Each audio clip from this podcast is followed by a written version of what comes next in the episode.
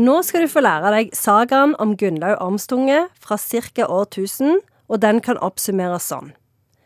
To menn kjemper om den gjeveste av alle premier, ei kvinne. Og det som er med Gunnlaug Ormstunge, eller denne sagaen, da, det er at han er jo bare på 40 sider. Men for alle som har lest den, så føles det jo mer sånn 400. Det kan jeg skrive under på, for dette er jo traumer fra videregående skole. Et lyseblått lite hefte som aldri tok slutt. Aldri.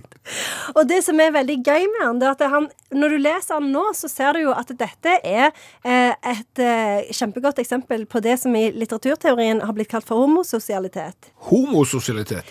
Ja.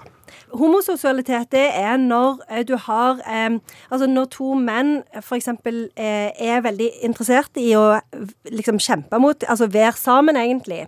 Eh, men så er det tilfeldigvis ei dame der som skal på en måte Oppmerksomheten skal gå litt mot dama. At det skal synes som de kjemper mot henne, men egentlig så er de jo bare interessert i hverandre. Oh. Og det ser en jo i sagaen om Gunnlaug Omstunge, fordi han er jo mye mer opptatt av han Ravn enn Helga.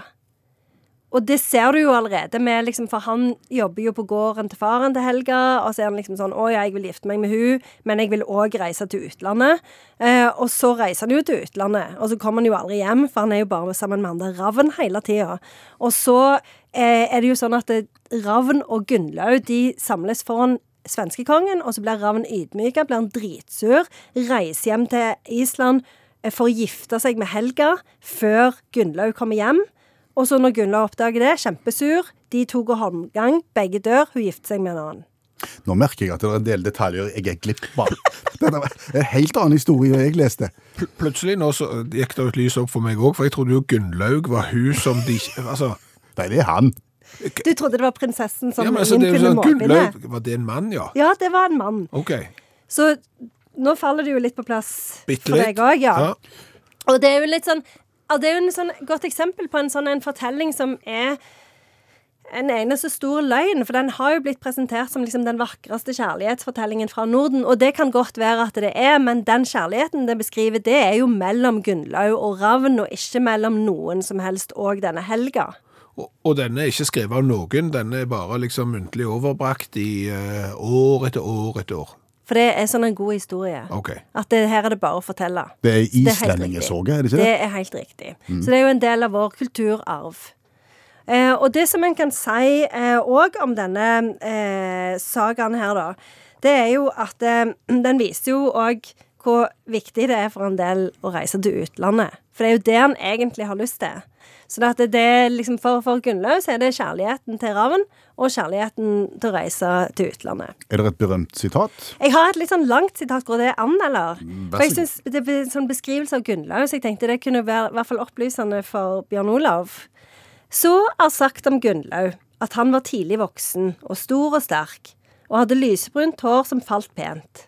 Han var svartøyd, med litt stygg nese, men hadde et tiltalende ansikt, var midjesmal, men herdebrei, uvanlig velvoksen, storlåten i hele sitt lynne, tidlig framfus, stri og hard i alt, men laget gjerne nidviser og ble kalt Gunnlaug Ormstunge.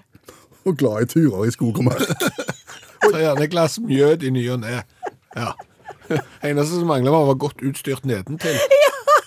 Men det ligger jo på en måte litt Altså, du skjønner jo litt mellom linjene. Han var iallfall framfus. Nå er jeg spent på om du klarer å oppsummere soga om Gunnlaug Ormstungen. Med enkelhet. Oi! Dette er den islandske versjonen av Brokeback Mountain lagd i årtusen. Det er jo faktisk det. og ikke i år 2000. Eh, Det, det, er så, det er så godt sagt. For det er akkurat det det er. Eh, Og jeg syns òg at det er litt sånn fint at det, det kan vi være åpne om i 2024. Ja. Kristendommen hadde ikke fullt tatt av så mye da, at da var det sikkert greit Ja, det at de reiste utenlands for å, For å dra på backpacking sammen. ja, Og, være framfuse sammen. Takk, forfatter og professor Janne Stigen Drangsholt. Sjøl takk.